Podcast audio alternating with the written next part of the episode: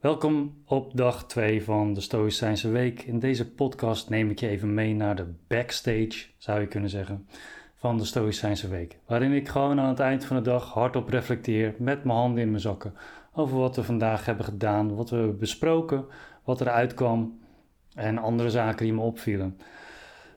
Wederom minimaal gemonteerd, een rauwe versie van de afgelopen dag. Ik kan in ieder geval al wel zeggen, ik begin al moe te worden en we zitten nog niet eens op de helft. Maar tegelijkertijd ook een hoop energie over wat we vandaag met onze cursisten hebben besproken. 62 mensen bij elkaar om hardop na te denken over al die uitdagingen die de Stoïcijnse filosofie ons voor de voeten gooit. Waaronder deze, een uitdaging waar ik echt op aanga. Gisteren heb ik het gehad over de natuur, hoe die samenhangt met de logica en met de ethica en hoe volgens de Stoïcijnen deze drie gebieden coherent moeten worden gemaakt met elkaar. Wij zijn natuurlijke dieren die logisch nadenken en daaruit bepaald gedrag tonen. Hoe coherenter we die maken volgens de Stoïcijnse filosofie, hoe betere mensen we worden, want we leven dan in overeenstemming met de natuur. We denken in overeenstemming met de natuur en we handelen in overeenstemming met de natuur.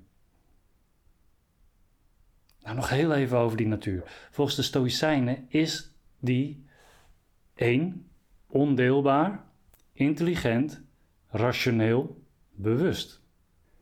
En dat betekent iets voor ons. Als de natuur rationeel is, dan zijn wij als delen van die natuur uiteraard ook rationeel.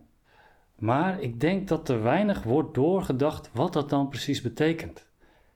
Als wij een deeltje zijn van die natuur, dan is onze reden, onze ratio, ook een deeltje van die universele ratio. En besef je goed wat dat dan betekent? Dat betekent dat onze ratio, onze reden, niet een individuele aangelegenheid is. Het is niet een soort van privéplek die we hebben, maar eigenlijk zijn wij een gedeelde rationaliteit bij elkaar als mensen. En ik gebruik maar even het beeld van het mycelium, een schimmel dat onder de grond groeit. Dat is, zou je kunnen zeggen, de rationaliteit. En onze uitingen van die rationaliteit van de schimmel zijn simpelweg de paddenstoelen die daaruit voortkomen. Nou, misschien maak ik het eigenlijk met deze analogie alleen maar ingewikkelder. Laat ik het dan gewoon nog wat mystieker zeggen. Als wij redelijk nadenken, dan is dat uiteindelijk niets meer dan een uiting van de universele reden. Dit wordt spannend, want volgens Epictetus zijn er een aantal elementen in die gedeelde reden die wel privé zijn voor ons, in de zin van dat wij er keuzes over kunnen maken. Als je kijkt naar de eerste hoofdstukken van het zakboekje van Epictetus of het eerste hoofdstuk van de colleges van Epictetus, dan zie je dat hij zegt dat er een aantal dingen zijn die onder onze controle vallen en dus tot onze taken behoren. En dat zijn ons streven, ons vermijden, onze overtuigingen en onze impulsen. Waarom liggen die onze, onder onze controle? Omdat daar keuzes in gemaakt kunnen worden. Door wie? Door ons. Maar een groot gedeelte van onze reden of van onze geest is dus niet uh, individueel van ons, is zou je kunnen zeggen een psychologische structuur die we met elkaar delen. We hebben al in een eerdere podcast gezien dat Marcus Aurelius schrijft dat we kunnen participeren met de kosmos, want die keuze kan goed zijn of die keuze kan slecht zijn. Als wij een goede keuze maken die in overeenstemming is met de natuur, dan ontwikkelen wij ons naar een gezonde plek in dat universum. Als wij slechte keuzes maken, dan kiezen we dus niet in overeenstemming met de natuur en worden we een ziek element in de kosmos. Nou zou je kunnen zeggen, dat is dus een soort van geestesziekte of een morele geestesziekte. Maar weer zijn wij als reden of als geest met elkaar verbonden. Dus als ik een zieke plek word, dan wordt degene die in mijn omgeving is, in principe ook een zieke plek of die loopt het risico om dat te worden. Omgekeerd ook, als ik gezonder word in mijn geest, dan uh, loopt mijn omgeving de kans om ook gezonder te gaan worden. Redelijkheid is dus een publieke, een gedeelde aangelegenheid. Een publieke zaak zou je kunnen zeggen.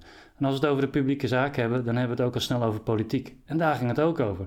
kun je een stoïcijnse politiek ontwikkelen of kun je vanuit de stoïcijnse filosofie iets zinnigs zeggen over wat een goede of wat een slechte politiek is? Dat is een heel lastig vraagstuk. Dus daar hebben we uitgebreid bij stilgestaan vandaag en ook van gedachten over gewisseld. En is uh, teruggeredeneerd vanuit gedrag. Als je kijkt naar Nederland als een politieke gemeenschap, welk gedrag wordt dan uiteindelijk beloond en welk gedrag wordt uiteindelijk bestraft? En is dat gedrag dat beloond wordt, bijvoorbeeld, wel coherent met uh, de ideeën die wij hebben of de waarden die we hebben? dus stel dat we zeggen in Nederland van, nou, diversiteit is heel belangrijk. Worden dan ook organisaties waar diversiteit plaatsvindt daadwerkelijk beloond met respect, erkenning of misschien zelfs een zak geld?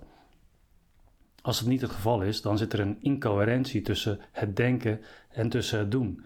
Dat geldt voor ons als persoon, als individu, maar dat geldt dus ook voor een samenleving. De waarden die we met z'n allen delen en waar we allemaal van knikken dat het heel belangrijk is, die zien we in de praktijk vaak niet terug. En als we het niet in de praktijk terugzien, zegt de Stoïcijn, dan denken we dus wel dat we weten hoe het zit of wat het goede is, maar we laten in de praktijk dat niet zien. Dus hebben we die kennis niet echt. Het is een schijnkennis die we hebben.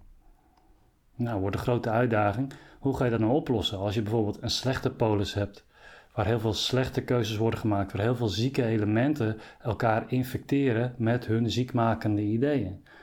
Zou het dan werken om een soort van filosoofkoning aan de top te zetten, die op basis van stoïcijnse principes die hele polis opnieuw gaat organiseren? Nou ja, dat is natuurlijk maar de vraag of dat, dat gaat werken, want waar vinden we zo'n stoïcijnse heerser? En bovendien, kunnen wij wel vaststellen of dat, dat een echt stoïcijnse wijze is? Want volgens de stoa zijn we allemaal op onze eigen manier een stel dwazen. Wij vergissen ons voortdurend in het goede, daarom moeten we filosoferen om daar een heldere blik op te krijgen. Of is het misschien de uitdaging om proberen zoveel mogelijk gezonde plekken in de samenleving te krijgen? Dus zoveel mogelijk mensen die, of dat het nou stoïcijns is of een andere levensfilosofie, zichzelf ontwikkelen en coherenter maken in hun denken en hun doen. Zou dat dan werken? Alsof dat deze mensen een soort zout der aarde vormen, zoals dat in de christelijke theologie vaak al wordt genoemd. Nou, daar kan het antwoord nog niet echt over worden gegeven, maar het is wel belangrijk dat we daarover nadenken. Zeker in het geval van het stoïcisme. We vergeten vaak dat het niet alleen maar een individuele filosofie is, hè, want jij moet er zelf mee worstelen met jouw tekortkomingen en jouw uitdagingen en de doelen waar jij naar streeft om een beter mens te worden, maar altijd binnen een gemeenschappelijk kader. We maken altijd deel uit van iets groters en hoe wij ons gedragen, de keuzes die wij maken, hebben dus invloed op dat grotere geheel. Wij zijn geen passieve meedrager in het universum, wij participeren en daar ligt een flinke verantwoordelijkheid voor. De overtuigingen die we hebben, dragen die bij aan een gezonde houding of halen die daar juist iets van af? En de impulsen of de handelingen die uit die overtuigingen voortkomen, dragen die ook iets bij aan de publieke gezondheid of halen die daar juist iets van af? En hoe zit het met ons streven en ons vermijden? Moeten we streven naar zaken die buiten onze controle liggen? Of moeten we juist streven naar dingen die binnen onze controle liggen, namelijk onze deugden of onze morele keuzes?